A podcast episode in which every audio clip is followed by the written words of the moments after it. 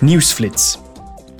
Het akkoord dat tijdens de klimaatconferentie in Sharm el-Sheikh is bereikt, is onvoldoende om de wereldwijde klimaatdoelstellingen te halen.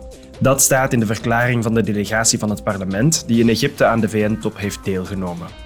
Het parlement onderhandelt momenteel met de lidstaten over het wetgevingspakket Fit for 55, zodat de EU haar ambitieuzere streefcijfer voor 2030 kan halen. Morgen stemt het parlement tijdens de plenaire vergadering in Straatsburg over een resolutie waarin Rusland wordt aangemerkt als staatssponsor van terrorisme. Dat heeft te maken met Ruslands oorlogsmisdaden en schendingen van het internationaal en humanitair recht. De parlementsleden willen de weg vrijmaken om Poetin en zijn regering verantwoording te laten afleggen voor een internationaal tribunaal.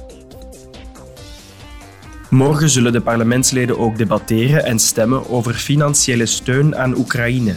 Het gaat om een lening van 18 miljard euro voor 2023. Vandaag bespreken de parlementsleden tijdens een vragenronde met Josep Borrell, hoofd buitenlands beleid van de EU, hoe ze ervoor kunnen zorgen dat Oekraïne graan en meststoffen kan blijven uitvoeren via de Zwarte Zee.